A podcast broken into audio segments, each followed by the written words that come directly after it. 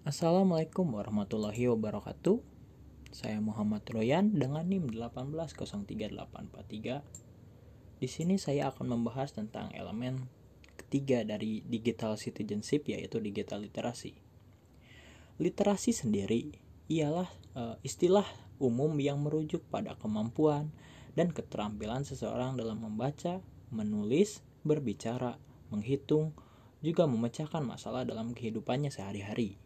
Sedangkan digital sendiri merupakan e, berhubungan dengan angka-angka untuk sistem perhitungan tertentu. Jadi dasarnya sendiri literasi digital merupakan sebuah keterampilan seseorang dalam menggunakan sistem untuk membaca, menulis, menghitung, dan lain sebagainya untuk membantu memecahkan masalah sehari-hari. Dalam digital literasi sendiri, saya mempunyai beberapa teori. Yang pertama dari Paul Gister dalam bukunya yang berjudul Digital Literasi 1997. Digital literasi diartikan sebagai kemampuan untuk memahami dan menggunakan informasi dalam berbagai bentuk dari berbagai sumber yang sangat luas yang diakses melalui perinti komputer atau perangkat komputer. Lalu ada yang kedua menurut. Bowden 2001 menawarkan pemahaman baru mengenai digital yang berakar pada literasi komputer dan literasi informasi. Literasi komputer sendiri merupakan eh, komputer mikro yang semakin luas dipergunakan.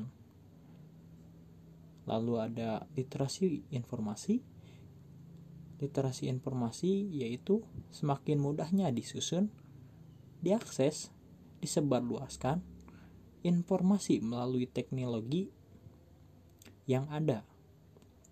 Lalu ada dari Buckingham 2006 halaman 45 sampai 46 dalam pengertiannya sendiri digital literasi tidak hanya dengan penggunaan teknis komputer melainkan juga pengetahuan dan juga emosi dalam menggunakan media atau perangkat digital termasuk internet.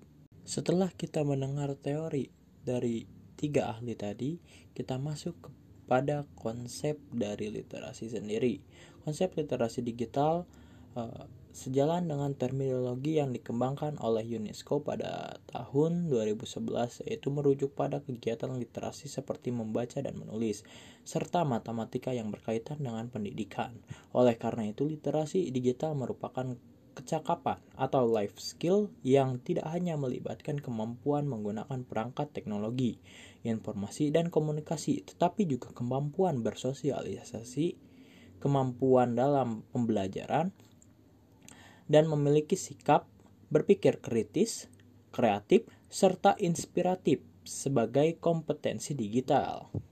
Dalam permasalahannya sendiri, di Indonesia, minat baca masyarakat Indonesia dinilai masih rendah dibandingkan dengan negara-negara lain. UNESCO mencatat pada 2012, indeks minat baca di Indonesia baru mencapai 0,001. Artinya dalam 1000 orang hanya ada satu orang yang berkegiatan membaca Hal tersebut merupakan hal yang sangat krusial dan harus diselesaikan.